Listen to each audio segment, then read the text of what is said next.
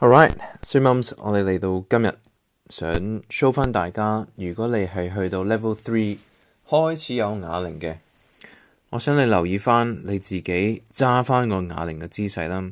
你自己揸个哑铃有冇有冇肯定 make sure 你自己嗰个手踭唔系手，sorry 唔系手踭个手腕手腕个 wrist 有冇直啦？或者咧你系？揸喺上边你个手板嗰度，令到你自己个手腕系咁样食咗啲力嘅。请大家留意。